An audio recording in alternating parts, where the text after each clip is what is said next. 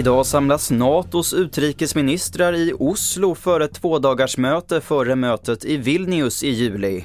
Hoppet är att Sverige ska vara medlem till dess och det är en realistisk målsättning tack vare stödet från USA. Det säger utrikesminister Tobias Billström. Det är absolut realistiskt att tro detta och det är ju klart att eh, även om man kan tycka att det här är en kort tidsperiod så är det fortfarande så att eh, det finns ett starkt politiskt tryck och det brukar ha en eh, välgörande inverkan när det gäller de här frågorna. En person har hittats död i Lillhagen på Hissingen i Göteborg, det skriver polisen på sin webbplats. Personen ska ha hittats av en förbipasserande. Och under natten greps en man i samma område. Han har anhållits misstänkt för ett grovt brott, men polisen utesluter inte att det finns ett samband med den pågående förundersökningen om mord.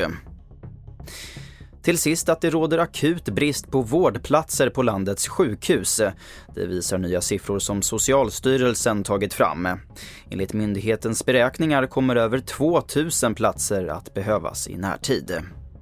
Och det får avsluta TV4 Nyheternas senaste uppdatering. Jag heter Albert Hjalmers.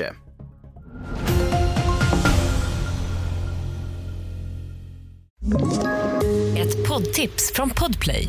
I fallen jag aldrig glömmer djupdyker Hasse Aro i arbetet bakom några av Sveriges mest uppseendeväckande brottsutredningar.